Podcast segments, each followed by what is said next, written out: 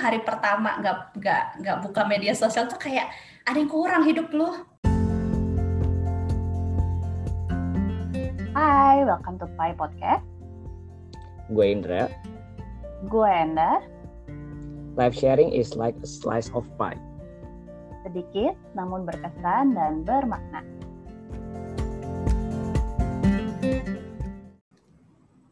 Hai semua. Halo semua.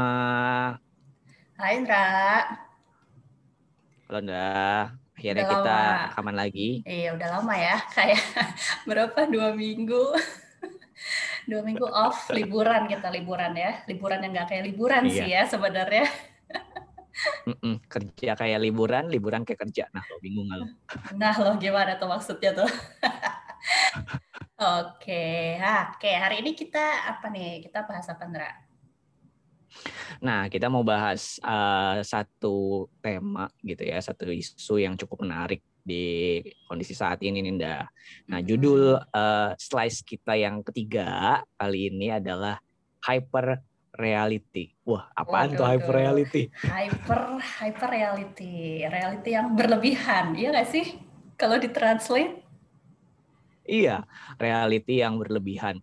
Tapi ya kita mau jelasin juga nih terkait dengan ini sebenarnya apa sih hyper reality dan Hmm. kenapa sih kita penting banget buat bahas ini karena eh, nanti para penikmat akan kebayang terkait dengan sebenarnya eh, apa sih eh, dampak hyper reality ini buat kita masing-masing gitu. dah. Hmm. Nah, mungkin kita bahas dulu hyper reality itu apa. Nah, seperti yang tadi lo bilang dah, hyper reality Ah. itu reality yang berlebihan. gitu ya. Berlebihan. kita dan dan para penikmat di sini semua pasti uh, tahu terkait dengan virtual reality lah ya. Pasti kebayang lah ya virtual reality di ada banyak banget film atau movie terkait dengan virtual reality. Kemudian juga apalagi ya games PS gitu ya Games, virtual reality. ah. Uh-uh. Nah, secara harfiah virtual reality pasti realita yang virtual, yang enggak sebenarnya, yang maya Maya lah ya. ya, ya. Nah, reality yang virtual. Nah, sedangkan kalau hyper reality adalah realita yang nyata tapi berlebihan, benar kata Nda. Berlebihan. Nah, teman-teman para penikmat kebayang nggak sih hyper reality itu biasanya kita ngelihat di mana? Lu kebayang nggak ada pada pas pertama kali gua sounding terkait dengan istilah ini, lu kebayang nggak hyper reality itu ada di mana sih? Di media sosial pastinya. Yang kepikiran Nah. pertama sama gue sebenarnya adalah Instagram, Dra. Hmm, hmm, hmm, hmm.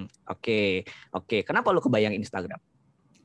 Karena ya nggak tahu dengan segala postingan yang ada di eh, apa feed gitu ya, itu kan orang suka biasanya posting foto diri sendiri lah ya atau foto Mm-mm. eh, dia sama teman-temannya atau foto lagi liburan gitu.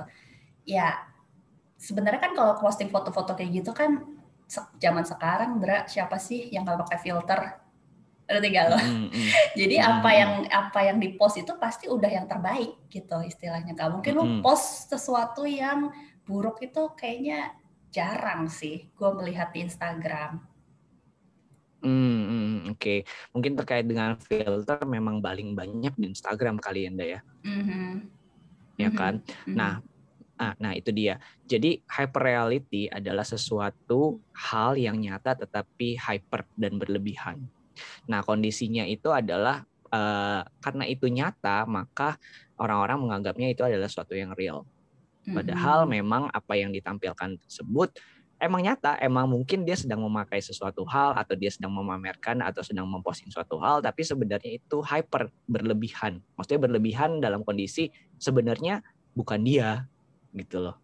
Bukan dia yang Hmm. mungkin punya atau bukan dia yang mungkin ngalamin atau bukan dia yang eh, di- bukan dia banget lah terkait dengan apa yang di postingan itu.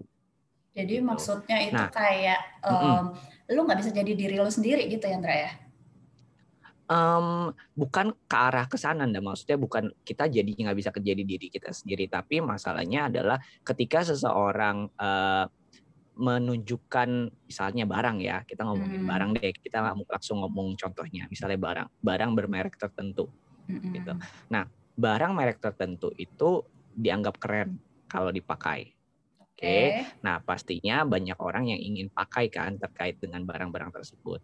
Nah, pertama kali orang ingin memakai pasti akan ada ada ada yang namanya influencer kan, influencer Mm-mm, gitu ya. mm-mm. Ada orang yang di hire untuk mengendorse dan segala macam gitu. Nah, ketika mereka pakai, mereka akan Hmm. men-set standarisasi bahwa sesuatu yang keren itu adalah seperti ini Hmm, Oke. gitu. Nah, ketika kita melihat hal tersebut, maka ya kebayang, oke kalau gitu kita saya harus seperti itu, harus Hmm. punya barang seperti itu, atau punya bisa jalan-jalan seperti itu, atau bisa memiliki pengalaman seperti itu. Tadi kan contoh dari gue itu ke contoh barang kan ya. Hmm, Nah, kita punya seperti itu. Padahal, padahal, nah mereka memang memakai barang itu, memang mereka mengalami pengalaman yang mereka postingan itu.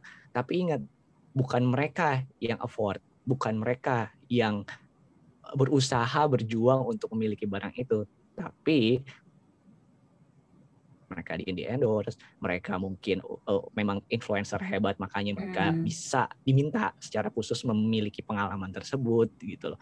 Karena tujuannya satu, memang untuk mempromosikan barang itu kan tujuannya kan ya. Hmm, Oke, Untuk tapi mempromosikan bisa barang bisa nggak sih Indra eh, emang orang tersebut itu ya afford gitu eh, punya barang itu atau memang dia beli gitu ya bukan karena di endorse bisa juga kan sebenarnya. Nah, bisa. Nah, makanya itu memang tujuan itu tujuannya balik lagi ke influencer itu, nda. Jadi influencer dia ada orang yang punya banyak follower kan ya, Mhm. yang mengendorse barang, kemudian dia diminta untuk eh, set standar terkait dengan barang atau pengalaman. Nah, Mhm. pasti yang yang follower dia kan pasti akan beri, beri- eh, mengikuti. Tujuannya kan itu kan, mengikuti Iya. dia dan akhirnya mencoba untuk beli, kemudian marketing lagi. Kemudian mereka akan Betul. pakai, posting dan, dan makin banyak lagi orang yang akan pakai. Gitu. Hmm, Seperti itu. Nah, em, dampak. Jadi gini, sebelum kita ngomongin dampak Anda ya, gue sempat mikir, makanya gue pengen ajak lu juga untuk eh, coba kita flashback gitu ya ke ke, ke pengalaman kita dulu. Kalau dulu tuh standar kita tuh siapa sih dah? Dulu dulu dengan media sosial yang minim ya. Dulu cuman ada Friendster. Friendster. Zaman kapan itu Friendster? Friendster Ya ada isinya. tapi gue gue ini loh gue gue nostalgia banget loh gue gue Hmm. ingin banget loh ada satu satu fitur ya di media sosial kita yang dulu ada di Friendster dan sekarang nggak ada testimoni ya kan Kayak komen nggak sih kalau testimoni itu? Enggak ya? Tapi kan itu khusus testimoni buat kita gitu loh. Maksudnya Iya, lu bisa iya, iya, sharing iya. terkait Iya, dengan iya. kita itu Siapa? kayak gimana. Iya, sekarang kan nggak ada. Ah, gitu. Loh nah kalau sekarang kan nggak ada. Nah oke anyway. Nah em, kalau dulu dengan media sosial yang minim gitu ya kita tuh ngebandingin stan- suatu standar yang oke standar yang yang hebat yang pengen kita capai itu dari siapa? Kalau menurut dari lu sendiri ndak pengalaman dari lu sendiri. Hmm, dulu ya sebelum ada zaman IG atau ya yang kayak sekarang lah ya kayaknya eh, standarnya dari temen sih kalau gue ya Andra ya. Maksudnya kayak misalnya gue gue kebayang gitu ya dulu SMP let's say lah gue lagi SMP terus gue punya peer group pastinya gitu ya main ke rumah temen gitu ada kadang gue melihat gitu oh rumahnya kayak gini ya gitu ya kok kok dia bisa ya punya ini punya itu. Nah dari situ sih kalau gue standarnya gitu ya.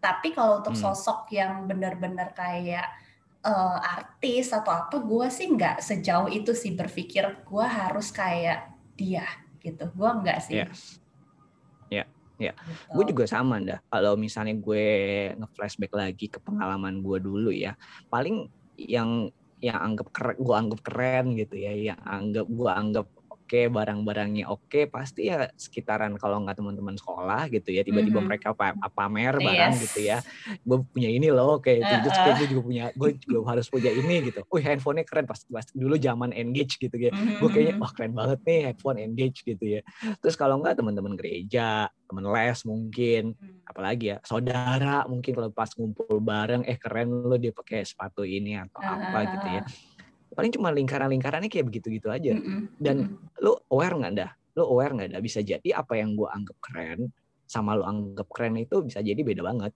Iya pasti dong. Karena kita lingkungannya beda banget kan? Betul. Betul betul. Nah sekarang kita langsung back to the future. Balik lagi langsung ke masa depan gitu ya masa sekarang gitu. Nah dengan media sosial ngelihat nggak sih bedanya kayak gimana? Lu ngerasanya ndak uh, compare maksudnya sama yang dulu. Mm -mm, mm -mm, sama yang dulu. Uh, bedanya ya. Uh, kalau sekarang eh kita ngomongin yang sekarang dulu lah ya.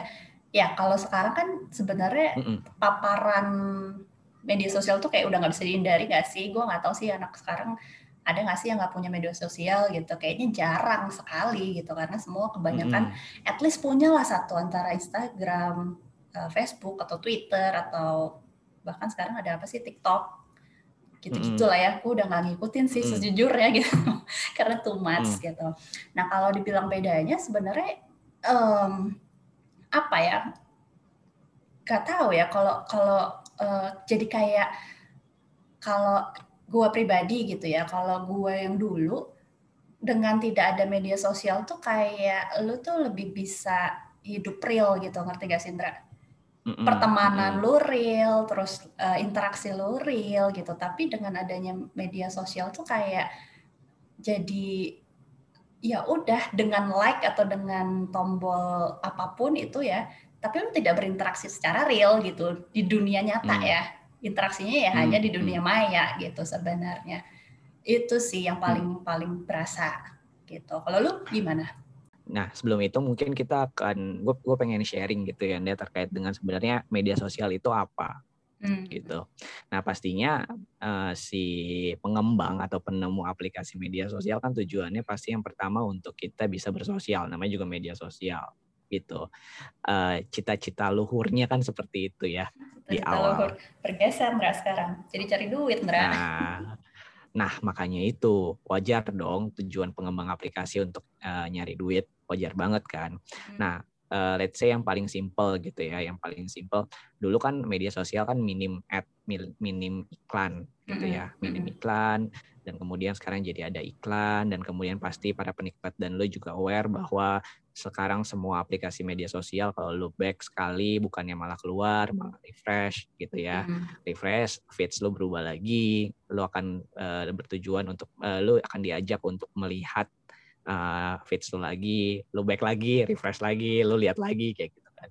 Ya tujuannya memang cuma satu kan tujuannya adalah supaya kita betah lama-lama ngelihat feeds. Semakin lama kita ngelihat feeds, semakin lama kita ngelihat ads, semakin lama kita ngelihat ads, semakin lama uh, apa namanya jumlah jumlah pemakai untuk ngelihat screen time di uh, aplikasi tersebut. Semakin banyak jumlah screen time-nya semakin banyak uh, orang-orang yang ingin taruh iklannya di sana. Mm-hmm. semakin banyak orang taruh iklannya di sana semakin banyak income yang didapat oleh pengembang. Nah wajar kan hal itu terjadi. Mm-hmm. nah makanya itulah um, media sosial ini seperti tadi lu bilang sudah bergerak tujuannya bergerak tujuannya mm-hmm. itu satu dari sisi pengembang nah yang kedua yang tadi lu ceritain adalah soal ini kan soal standarisasi mm. kalau gue nggak bisa capai tadi kita sempat singgung ya kalau dulu pas zaman dulu bisa jadi gue malu beda kerennya tapi sekarang bisa jadi standarnya itu hampir sama bukan sama persis ya mm. tapi hampir sama tergantung dengan uh, kita kiblatnya yang mana misalnya hmm. gitu misalnya um, oke okay, kalau kiblatnya uh, sekarang gitu ya. Kalau lu kita ngelihat ya youtuber youtuber sekarang kan biasanya kan uh, mamer mamer mamer apa yang dimiliki dia gitu ya. Mobil apalah bisa naik pesawat jet bedah rumah. bedah apa lagi lah dibedah semuanya lah. Isi tas dibedah lah iya, apalah gitu. yes. Berapa outfit lo gitu kan kayak begitu gitu nah itu.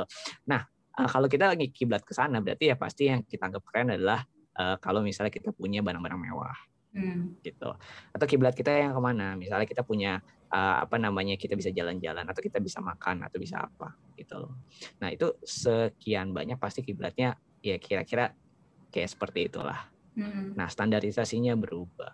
Nah, terus apa sih masalahnya kalau misalnya kita punya standar itu? Apa sih masalahnya kalau misalnya kita berlama-lama ngeliat media sosial itu yang sebenarnya pengen kita bahas kan dah di sini kan. Hmm, hmm, hmm, gue tiba-tiba nah. jadi ingat itu yang kemarin gue bilang Sindra uh, apa The Social Dilemma gitu ya dokumenter di Netflix nah. gitu. Sebenarnya hmm, itu hmm, itu hmm. salah satu dokumenter yang uh, oke okay sih ya menurut gue yang membuat kita aware dengan uh, dunia digital inilah ya karena orang-orang yang sharing di situ ya orang-orang yang sebenarnya kerja di Google, mm -hmm. di uh, Twitter, di IG, di Facebook gitu ya. Jadi mereka share gitu sebenarnya. Dan ada satu kalimat sih yang sebenarnya menarik buat gue. Uh, dia bilang gini, if you are not pay the product, then you are the product. Jadi kita ini sebenarnya produknya, produknya mereka hmm. gitu. Jadi kalau lu nggak bayar, kita kan nggak bayar ya, pakai IG, hmm. pakai Twitter, tapi hmm. secara tidak langsung kita itu menjadi menjadi uh, produknya dengan ya kita ada di situ gitu. Secara tidak langsung itu Usernya menghasilkan, ya, yes, ya. pengguna secara langsung itu menghasilkan hmm. buat mereka sebenarnya ketika hmm, kita hmm. yang hmm. tadi lo bilang gitu ya berlama-lama hmm. di hmm. media sosial terus kita uh, lihat iklan ya kita beli segala macam hmm. secara tidak langsung kita dikontrol sebenarnya oleh mereka yang hmm. punya aplikasi-aplikasi ini sebenarnya gitu oke oke oke nah ini gue jadi keinget lagi ndah dari hmm. apa yang lo cerita dan ini jadi masif banget buat kita yang ada di Indonesia. Lo tau gak sih, Indah? Uh, Indonesia itu menduduki peringkat keberapa sih uh, pengguna Mana media ya? sosial sedunia? Gue belum cari data terbaru, Sindra. Berapa? Pasti nah, lima besar deh. lima besar iya, ya sih? Lima besar. Lima besar, betul. Nah, lima besar lo bayangin uh, jumlah penduduk Indonesia berapa banyak dan dia menduduki lima besar pengguna media sosial terbanyak uh, sedunia. Hmm gitu. Hmm. Nah itu jadi market banget kan buat buat uh, teman-teman pengembang aplikasi media sosial buat Betul. cari pasarnya di sini hmm. gitu. Dan uh, yang lebih serunya lagi ya, gue sempat nonton gitu ya, uh, karena karena gue lebih banyak di rumah gitu ya kan, jadi sering nonton. Uh, gue sempat nonton gitu ya, uh, kita artis lokal, mm-hmm. ya artis lokal kita followernya jumlahnya berapa sih? Kalau misalnya di Instagram, lu pernah lihat nggak siapa aja gitulah nggak usah sebut nama tapi kira-kira menurut lo berapa? Aku nggak pernah perhatiin sih Indra. Eh mungkin ada yang sampai beratus ribu kali ya. Ada yang juta juga kali harusnya. Iya, ada yang ratusan ribu sampai sejuta, ya kan? Itu uh -uh. artis lokal di Indonesia, artis yeah. lokal di Indonesia.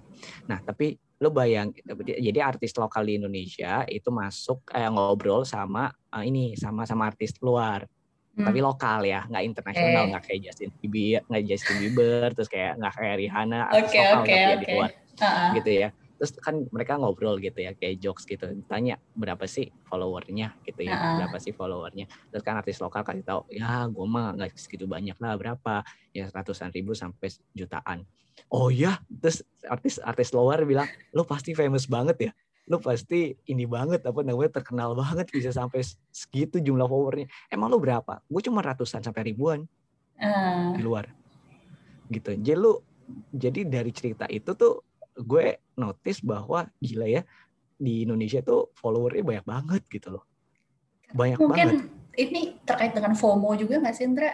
Orang-orang kita tuh kayak susah gitu kalau bukan susah ya kayak punya ketakutan lu tuh ketinggalan sesuatu gitu.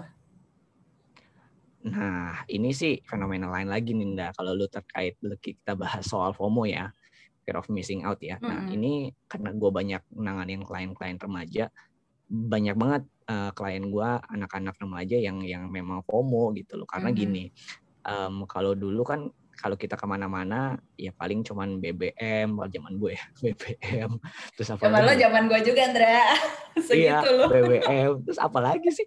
Nggak mungkin kan kita cerita-cerita uh, kita mau ke mana tuh di Friendster kayak nggak mungkin gitu mm-hmm. terus nggak di nggak nggak nggak juga secara internet belum kuat juga secara real kita posting gitu kan. Mm-hmm. now atau live kalau sekarang. Sekarang kan enggak nah sekarang uh, kondisinya gitu. Jadi anak-anak gue gitu ya, anak-anak siswa, teman-teman siswa sekarang gitu ya, pasti juga related juga uh, pemuda dan kita juga ngerasain gitu ya. Kalau misalnya tiba-tiba teman kita pergi, terus kemudian mereka posting, entah itu live, entah itu feeds, apa pun itu, terus kita ngerasa kok gue nggak diajak sih, gitu kan? Kalau kita nggak iya, diajak, yeah, gitu. Terus kok gue nggak diajak terus mulailah mikir macem-macem Mhm. mulailah mikir macem-macem kenapa ya ada salah apa ya di gue ya kok gue ditinggalin dan segala macem dan itu banyak banget kejadian Betul. Klien gue juga ada Sindra. Itu Gitu. bahkan nggak di usia. Lu dia. bilang kan di usia remaja ya. Klien gue tuh udah di remaja usia pemuda dua puluhan akhir hampir 30 kali Indra. nah, Ini cuma perkara iya. masalah hampers. Kebayang sih? nah Lu ngirim hampers ke temen lu, terus lu nggak posting, itu dia bisa cerita dia sakit hati Indra. Cuma perkara lu nggak diposting hampers yang lu kasih. Ya ampun, gue bilang gilain. Sekarang tuh kayak semua-semua tuh harus lu post gitu. Segitu pentingnya kah gitu ya untuk dia. post gitu kan. Jadi nggak sehat sih sebenarnya. Itu tadi gue bilang nggak real jadinya.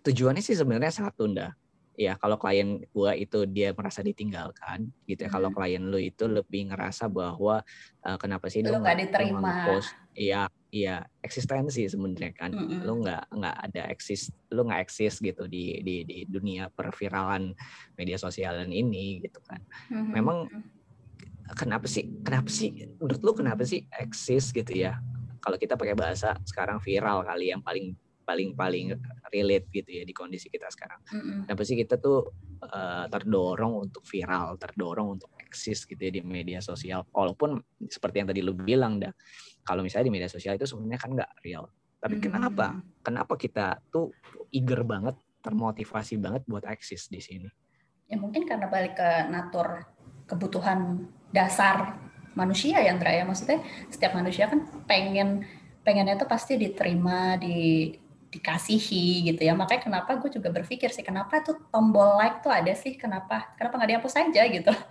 Buat apa tujuannya gitu? Karena eh, nggak tahu ya kalau gu- gue cerita dari sisi gue ya ya. Itu somehow efek loh tombol like itu gitu ya ke secara nggak nggak sadar deh ya. Gue nggak tahu sih kalau lu sebagai cowok gimana. Kalau kalau gue gitu kalau lo aware dulu gue cukup sering posting gitu di Instagram. Dari tahun berapa lah ya itu 2017 lah paling. Cuman habis itu gue berhenti gitu. Gue berhenti tuh di 2019 gitu kalau lo lihat eh, itu hampir sebulan pasti gue ada postingnya. Entah itu posting apa pun lah gue lagi liburan gue posting em, skill gitu ya main-main musik atau misalnya gue posting apa pun lah ya ada yang harus ditunjukin gitu. Seolah-olah tuh kayak lu tuh harus show something gitu. Tapi gue dan kemudian menyadari gitu kenapa gue suka suka ya kalau misalnya dapat likes yang banyak gue jadi mikir gitu kok gue jadi terpengaruh ya emosi gue ketika likesnya sedikit? Itu gue alamin sindra makanya kenapa gue memutuskan untuk eh gue meninggalkan Instagram gitu ya dalam arti gue udah nggak mau terlalu em, menggantungkan diri gue di situ dan gue pindah sebenarnya sekarang ke Twitter kalau lo tahu ya. Jadi gue lebih aktif di Twitter. Yang isinya sebenarnya cuma tulisan jadi gue tidak harus menunjukkan sesuatu lagi tapi kalau di Twitter kan lebih ke arah ya ide lu gitu ya atau pemikiran lu gitu dibandingkan appearance sebenarnya gitu Hmm, tapi hmm. itu efek gitu like itu efek sih entah Kalau di Twitter nggak ada like ya? ada tapi gue nggak punya banyak temen di Twitter Ndra. jadi gue nggak peduli Iya, gitu itu melatih diri gue ya udah terserah lu mau like atau gue nggak dapat like itu tidak mempengaruhi gue gitu Oke, oke. Berarti kalau di Instagram eh, mungkin dorongannya lebih ke arah lu harus show something gitu ya. Harus harus harus harus bikin orang lain likes. At least gue pengen tahu sih kemampuan gue tuh banyak banyak yang suka nggak sih gitu, banyak yang Yes. appreciate gitu kan dari dari like secara tidak langsung tidak Iya. langsung gitu ya, secara tidak langsung. Oke, nah kemudian kalau misalnya di Twitter itu lebih lebih inilah ya, lebih ide dan juga lu juga nggak tergoda untuk ngelihat berapa banyak sih orang yang nge-likes uh, tweet Hmm. lu gitu ya. Atau juga Hmm. orang juga nggak banyak juga yang nge-follow lu di situ. Yes. Jadi betul ajang curhat lah ya intinya ya di situ ya lo. nggak curhat juga sih kadang gue menuangkan ide juga sebenarnya gitu jadi gue Oke. jadi gue belajar ini sih maksudnya eh apa namanya gue mengontrol gue yang memegang kendali bukan teknologi yang mengendalikan gue ngerti gak? Nah, gue punya pertanyaan menarik nih, Nda. Ya Aha. terkait dengan lo punya ide gitu ya lo punya ide mungkin ide lo ide lo lo lo anggap juga lo lumayan oke gitu ya di Twitter nah kayak lo posting dan lo berharap berguna pastinya buat orang-orang yang ngebaca Mhm. bener dong nah Mhm. lo ada keinginan gak sih untuk postingan lo itu eh, tweet-tweet lo itu bisa dibaca banyak orang oke Ah. dan kemudian di eh, by the end lu banyak yang follow Twitter lu dan juga jadi banyak orang yang tahu ide lu dan juga merasa berguna terkait dengan ide lu. Hmm, enggak sih, gue nggak sejauh itu sih Indra mikirnya. Tapi Hmm, gue eh, dulu Twitter gue gue protect Indra. Sekarang gue open. mm-mm, mm-mm, Eh, tujuannya apa? Ya karena gue sebenarnya menggunakan Twitter ini untuk edukasi sih, gitu. Jadi mm-mm, kalau misalnya memang ada yang retweet, retweet kan berarti dia dia menampilkan itu di eh, Twitternya dia dan teman-temannya bisa baca, gitu. mm-mm, Jadi memang ada itu yang misalnya tiba-tiba eh, follow gue gitu. Kalau lu protect kan sama sekali lu Hmm. nggak bisa lihat gitu. mm-mm. Jadi ya balik lagi ke tujuan gue menggunakan itu untuk apa sih Indra gitu. Tapi kalau dibilang Oke. untuk mencari supaya nambah bla bla bla bla bla bla, gue nggak nggak segitunya sih. Gitu. Oke, oke, oke, oke. Kenapa sih gue nanya terkait dengan eh, follower ya? Kalau Mhm. lebih masifnya follower tadi lu sempat singgung likes kan. Kalau Hmm. likes itu em, itu juga itu juga dilema juga juga suatu hal yang menurut gua sesuatu hal yang ya kalau dibilang necessary ada atau enggak ya enggak tapi ada perlu perlu juga perlu likes itu gitu loh ngerti gak lo? Kalau penting banget enggak tapi eh, kalau nggak ada ada yang kurang. Gitu. Nah kalau kita ngomongin likes ya seperti si seperti contoh yang tadi lo bilang kenapa lo Hmm. posting dong eh, hampers yang udah gua kasih gitu ya. Mhm. kalau gua terkait dengan likes lo likes dong postingan gua. Iya. banyak kan? Banyak kan? Yes. gitu loh. Dan ukuran jumlah likes itu akan men- mem- uh, mengatakan bahwa oh banyak orang yang suka berarti lo keren Mhm. barang lu Mhm. bagus gitu Mhm. makanya orang sampai minta likes nah dengan gambaran tersebut kita jadi tahu bahwa likes itu sebenarnya lagi-lagi bukan pure orang suka tapi bisa jadi ada intimidasi atau ajakan atau suruhan untuk likes postingan Benar. Bisa Nah, jadi. kan? Ya. bisa jadi. Oke, itu yang pertama.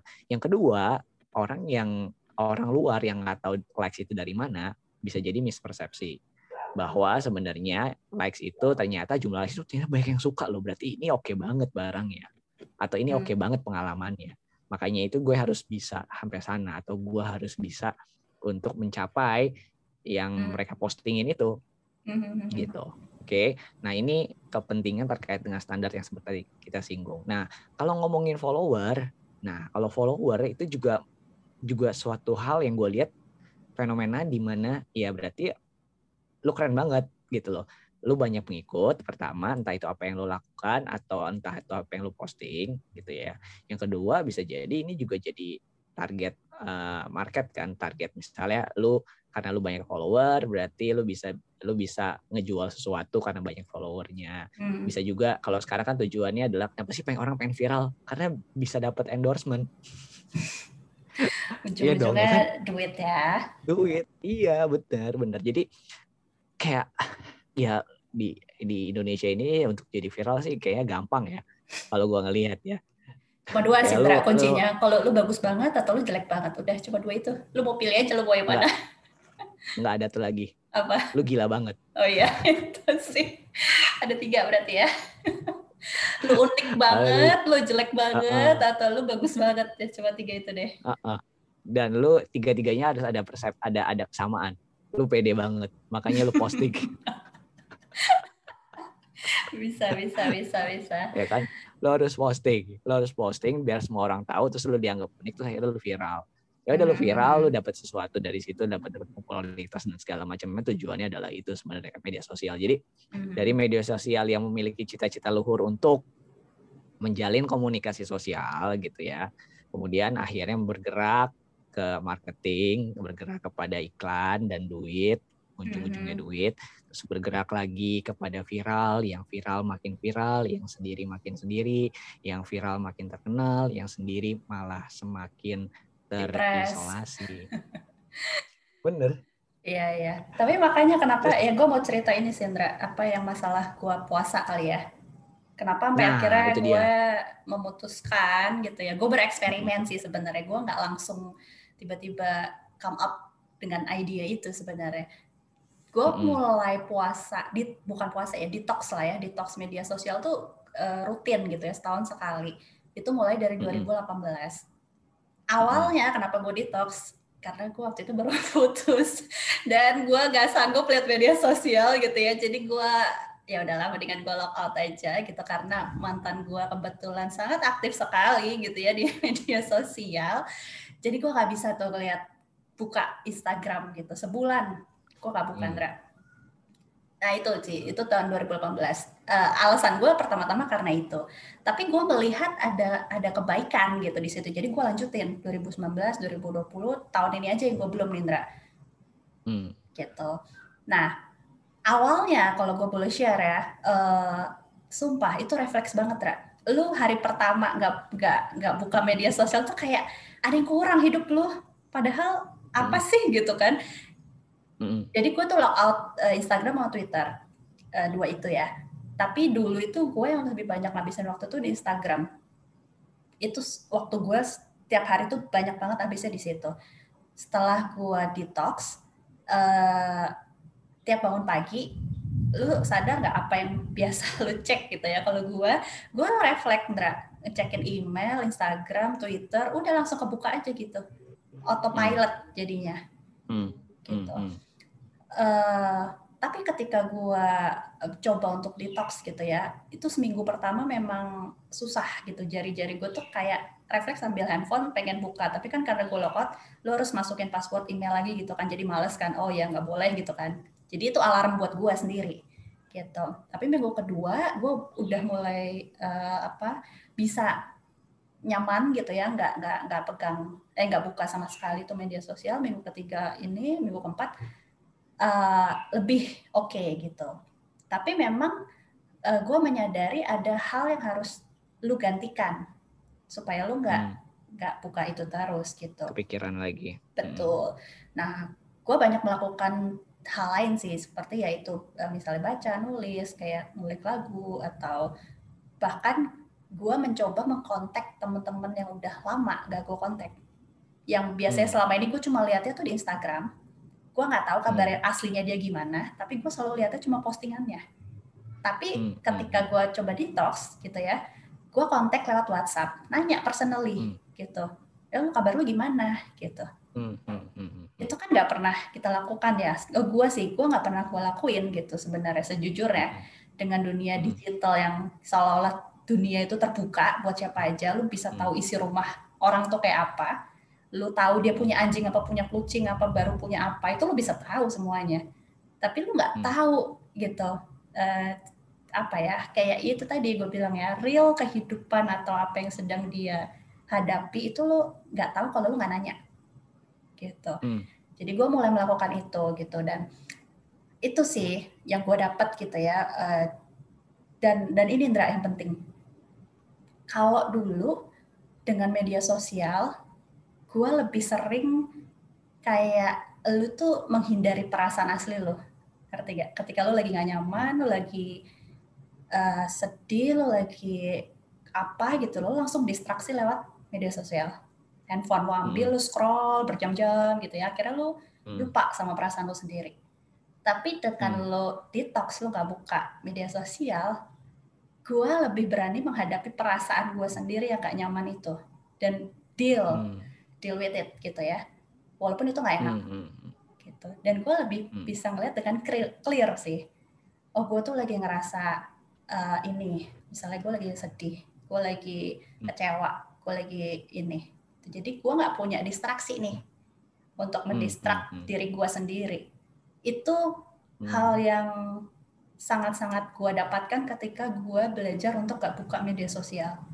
Gue lebih berani buat ngadepin perasaan gue sendiri yang mungkin ya selama ini gue lari sebenarnya dengan media sosial itu. Hmm. Media sosial gue gunakan sebagai pelarian gue supaya gue nggak ngadepin Hmm. perasaan gue yang sebenarnya. Gitu. Oke. Itu Oke. sih. Oke, sharing lo bagus banget dah. Maksud gue adalah apa yang lo ceritain ini juga mungkin banyak yang mungkin juga ngalamin gitu ya para penikmat di sini juga ngalamin bahwa ya sebagai kita anak muda remaja gitu ya pastinya refleksnya kalaupun kita ya simple lah kalau misalnya kita bosen bosen kan juga emosi ya bosen ya Mm-mm, betul. ngerasain suatu hal yang bosen bingung mau ngapain gitu ya dan refleksnya pastinya juga megang handphone dan apalagi aplikasinya. Kalau nggak media sosial pastinya game. Dan gue notice satu hal yang yang yang sebelumnya gue belum aware akan hal ini Sinda dari apa yang lo cerita. Ya bukan karena bosen tapi karena mengalihkan. Nga- karena butuh untuk eh, Hindar. menghindar. Makanya makanya kita menggunakan media sosial ini. Gitu. Dan ini Mm-mm. menarik banget. Dan ini gue jadi notice kita bisa bawain untuk yang slice keempat atau yang kelima nih terkait dengan emosi kenapa sih jadi muncul Hmm. pertanyaan nih kenapa sih emosi itu perlu untuk dihadapi emang Yes. kenapa kalau kita menghindar dari emosi itu emang ada masalah selama ini gitu ya Mhm. mungkin eh, kita semua pastinya pernah punya pengalaman menghindari emosi pasti dong Betul. gitu ya. Tapi sebenarnya segitu eh, necessary-nya kah menghindari emosi itu berdampak sama kehidupan kita? Nah mungkin itu kita hal yang menarik buat kita Mhm. bahas kali ya, Nda. Yes, nanti ya. benar-benar. Nah, Nah dari sharing lo, Nda, tadi udah dapet ya beberapa terkait ada ada media sosial berfungsi untuk marketing terkait dengan ada standarisasi yang sebenarnya juga nggak real, hyper reality gitu ya. Kemudian juga dipakai untuk em, apa namanya menghindari distraksi dan itu semuanya negatif semua tuh dampaknya kita. Mhm. Nah sebenarnya gue juga pengen eh, nge-highlight sebenarnya media sosial tuh ada positifnya nggak sih sebenarnya gitu di di samping semua yang tadi kita bahas itu kan negatif semua ya Hmm. negatif semua buat kita gitu tapi sebenarnya ada nggak sih udah lo ngelihat di kalau gue sih ngelihat sih udah kayaknya emang udah lebih pesimis dibandingkan optimis ya terkait dengan media sosial gitu ya kalau gue Iya, ngeliatnya iya. seperti itu gitu Iya. nah Oke. eh, media sosial itu ada punya maksud lah tertentu kita kenapa kita kita kenapa eh, apa namanya aktif di media sosial tertentu gitu ya Mhm. Nah, tapi sebenarnya ada nggak sih, apakah cita-cita luhur para pengembang media sosial itu masih ada sampai dengan sekarang gitu ya? Atau gimana ini? Eh, yang salah kan sebenarnya bukan medianya ya, penggunanya sebenarnya ya. Jadi balik lagi masalah kontrol sih ya. Kita mau mau menggunakan itu buat apa itu kan balik ke masing-masing ya. Kalau gua kalau lo tanya gitu ya masih ada positifnya nggak sih? Masih sih kalau buat gua ya. Karena gua belajar banyak dari orang-orang tertentu. Makanya kenapa? Gue tuh punya di titik tertentu juga, Andra. Gua unfollow orang-orang tertentu itu gue lakukan karena ganggu menurut gue. Jadi apa yang kita lihat feed kita sehari-hari atau tulisan-tulisan di Twitter yang sehari-hari lo lihat itu kan masuk kayak kotak lo ya. Jadi kalau lo mengikuti atau memfollow orang-orang yang pamer, ya itu yang akan masuk ke otak lo. Tapi kalau lo memfollow orang-orang yang bisa mengedukasi lo, misalnya dari sisi keuangan, self development, terus dari sisi apa eh, emosi tadi gitu ya, psikologi segala macam, itu bisa membantu lu untuk menambah uh, ilmu lah ya istilahnya dari media itu. Makanya kenapa sekarang gue kalau buka Instagram kebanyak kebanyakan gue nontonin IG live Ndra. IG live ya udah lewat misalnya, nggak harus saat, saat itu juga gitu karena pasti kan kadang ada di save gitu ya. Ada beberapa yang gue follow yang memang gue tahu konten-konten dia bagus dan mengedukasi, itu itulah yang gue, gue lihat gitu. Jadi gue udah jarang tuh ngikutin yang gosip artis atau ini lagi kenapa itu lagi kenapa. Gue nggak gitu peduli gitu dengan dengan itu gitu. Di Twitter pun gitu gitu. Gue tahu tuh dulu gue follow eh, orang bukan orang sih mesti artis-artis atau selebgram tertentu lah ya yang suka bikin tulisan juga di Twitter. Tapi menurut gue apa sih isinya gitu ya? Nggak guna. Jadi gue unfollow jadi itu nggak mengganggu diri gue secara jadi secara apa ya secara sadar gue memilih siapa yang bisa mempengaruhi gue gitu jadi gue Hmm. yang mengontrol gitu Jadi menurut gua ya selama kita yang menggunakan teknologi ya nggak apa-apa gitu. Yang menggunakan media sosial nggak apa-apa. Jangan sampai media sosial menggunakan kita. Oke. Gitu. Jangan sampai kita terbawa arus media sosial mungkin kayak gitu ya. Mm, Anda mm, ya. Ya, gue setuju dengan apa yang tadi lo ceritain gitu karena em, banyak hal terkait dengan bagaimana kita harus selektif berarti ya kata-katanya ya kita harus selektif untuk melihat siapa yang kita follow gitu ya untuk kita bisa bisa mendapatkan sesuatu bukan malah mengikuti sesuatu Mm-mm. yang jadi akhirnya Betul. berdampak negatif ke kita sendiri Yes. gitu ya gue juga gue juga pribadi eh, nge-follow mungkin ada beberapa hal yang terkait dengan hiburan ya gue suka nonton eh, apa namanya movie gitu ya gue butuh butuh ada orang yang eh, reviewer movie Yes. yang jadi gue punya jadi bikin gue referensi movie kan jadi gue Mm-mm. mau nonton apa yang mana bagus atau enggak ada ada, ada referensi gitu terus Mm, mm, gue juga belajar saham dari dari Iya dari kan? dari akun tertentu gitu ya Yes, ya kan betul. akun tertentu gitu dan itu beneran banget bisa membuat gua melek akan sesuatu gitu Hmm. ya dan itu bagus banget sih sebenarnya Iya. tapi ya balik lagi gitu ya balik lagi ke orangnya balik lagi ke orangnya. Tapi gue jadi inget gue lupa ini quote siapa yang ngomong tapi gue masih nyantol di otak gue gitu ya. Masih nyantol di otak gue eh, kalau misalnya kita adalah orang hasil dari apa yang kita lihat Hmm. kita dengar dan juga kita lakukan ya. Apa yang kita lihat kita dengar dan juga kita lakukan. Jadi ya pilihlah apa yang kita lihat apa yang kita dengar dan pilihlah apa yang kita ingin lakukan Yes. Kan. itulah jadilah kita yang seperti ini Exactly, betul banget. Jadi kontrolnya balik lagi ada di kita, bukan teknologi sebenarnya yang mengontrol kita, tapi kita bisa kok kontrol. Ya, ya ya begitulah ternyata media sosial kita jadi em, banyak orang ngomong gitu ya em, ya kita pakai smartphone eh, kalau gitu kita harus jadi smart people. Gue ada yang ada yang setuju atau nggak setuju karena memang kalau misalnya kita ngomong kayak begitu secara tidak langsung mengatakan bahwa ada beberapa orang di kita itu yang nggak smart lebih smart ponselnya dibandingkan kita. Gue Yeah. begitu setuju terkait dengan hal tersebut. Tapi gini sebenarnya karena banyak faktor sih Indah banyak faktor di mana lingkungan, sistem, media khususnya bukan media sosial aja ya, media di TV, di di, di media sosial kita, di mana gitu ya, yang lebih meng-highlight apa yang sudah jadi standar kita saat ini dan kita akhirnya Hmm. jadi ngikutin. Mhm. Nah, makanya itu challenge-nya kuat banget nih. Makanya kenapa kita perlu bahas media sosial khususnya dalam hyper reality ini judulnya gitu ya.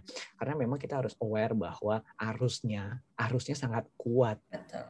khususnya kita di Indonesia ini gitu ya. Apalagi tadi eh, kita sempat eh, apa namanya singgung bahwa kita eh, menduduki lima besar negara yang pengguna media sosial terbanyak gitu. Mhm. Makanya itu ya dampaknya gede banget buat kita sendiri. Yes, aware aja baru tahap awal ya, ya. Mungkin ya kita harus do something lah ya setelah itu. Apa yang bisa kita lakukan supaya arus itu tuh nggak menyeret kita lebih jauh.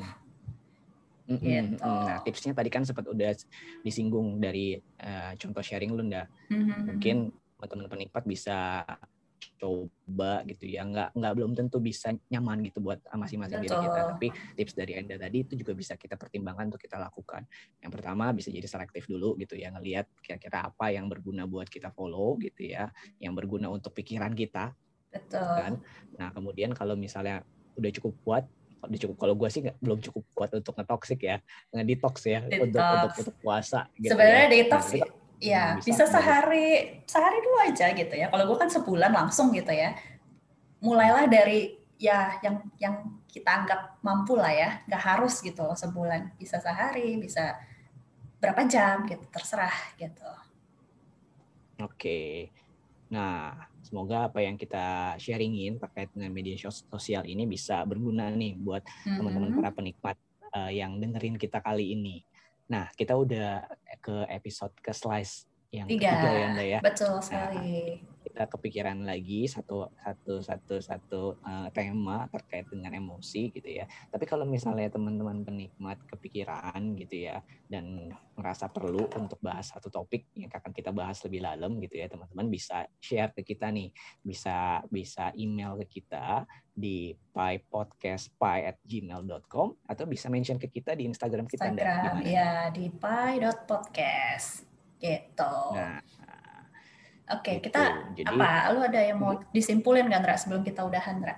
Kalimat penutup. Um, kalimat penutup gue tadi udah gue uh, nggak apa-apa di di up lagi aja ulang lagi aja di up iya, lagi aja di up okay. lagi dong jadi um, kita kita saat ini adalah apa yang kita lihat kita dengar dan kita lakukan gitu jadi bijaklah terhadap apa yang kita ingin lihat kita ingin dengar dan kita ingin hmm. lakukan. Karena saat itu adalah saat tahap pertama untuk kita menjadi orang yang lebih baik lagi, dah. Jadi mantap sekali kesimpulannya. Gila. Kalau dari gua, dari gua ya. Tadi gua juga sebenarnya udah singgung sih. Kalau dari gua, ya selama kita yang menggunakan teknologi atau media sosial, uh, it's okay gitu ya. Tapi jangan sampai media sosial yang mempengaruhi atau yang justru menggunakan kita gitu. Dan poin tambahannya adalah uh, aware gitu ya, banyak-banyak aware lah ketika kita pegang handphone gitu. Ketika kita mau buka aplikasi tertentu media sosial, coba di pause dulu, stop gitu ya, dan think gitu, cari jeda, break sebenarnya ya, break sebentar itu kadang bagus gitu ya, dan observe yourself gitu ini penting banget sih menurut gue di dunia yang serba cepat dan serba uh, arusnya tuh luar biasa sekali gitu. Jadi gue rasa kita juga perlu lah ambil jeda dalam menggunakan hmm. teknologi kita gitu. Itu aja sih Indra dari gue. Iya. Jadi kita uh, istilah yang sekarang lagi hype gitu ya, mindful ya. Mindful ya, Mindfulness ya, betul Apa sekali. Kita, kita lakukan sekarang kita harus mindful gitu ya. Betul. Entah itu kita media sosial, makan atau apa pun harus mindful. Yes. Oke. Okay. Okay. Kalau gitu kita sudahi. Okay. Yes, ya. episode ini sampai bertemu di slice yang keempat. Bye bye. Oke, okay, bye semuanya.